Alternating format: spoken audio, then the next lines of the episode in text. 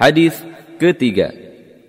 عن عبد الله بن مسعود رضي الله عنه عن النبي صلى الله عليه وسلم قال نظر الله امرئا سمع منا حديثا فبلغه فرب مبلغ أحفظ من سامع. دري عبد الله بن مسعود رضي الله عنه دري نبي صلى الله عليه وسلم bersabda semoga Allah memberikan cahaya kepada seseorang yang mendengar sebuah hadis dari kami kemudian ia menyampaikannya. Betapa banyak orang yang menyampaikan lebih hafal dari yang mendengar. Hadis riwayat Ibnu Majah Tirmidzi dan ini riwayat Ibnu Majah. Menurut Imam Tirmidzi hadis ini hasan sahih dan disahihkan oleh Al-Albani.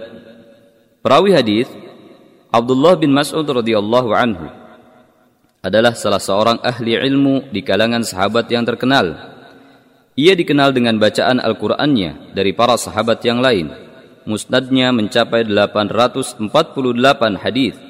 Telah berperang bersama Rasulullah sallallahu alaihi wasallam dalam semua peperangan Kemudian ikut berperang dalam perang Yarmuk di Syam sepeninggal Rasulullah sallallahu alaihi wasallam. Umar radhiyallahu anhu mengutusnya ke Kufah untuk mengajarkan ilmu agama dan Uthman bin Affan radhiyallahu anhu menjadikannya amir Kufah lalu memerintahkannya untuk kembali ke Madinah. Ia meninggal di Madinah tahun 32 Hijriah pada usia 60 tahun lebih.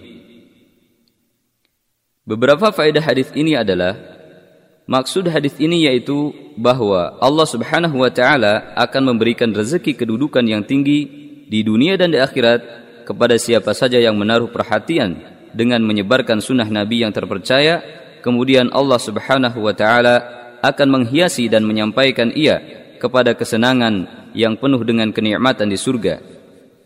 Hadis ini mengandung doa Rasulullah bagi siapa saja yang memperhatikan hadis-hadis beliau agar diberikan kesenangan yang penuh nikmat di surga.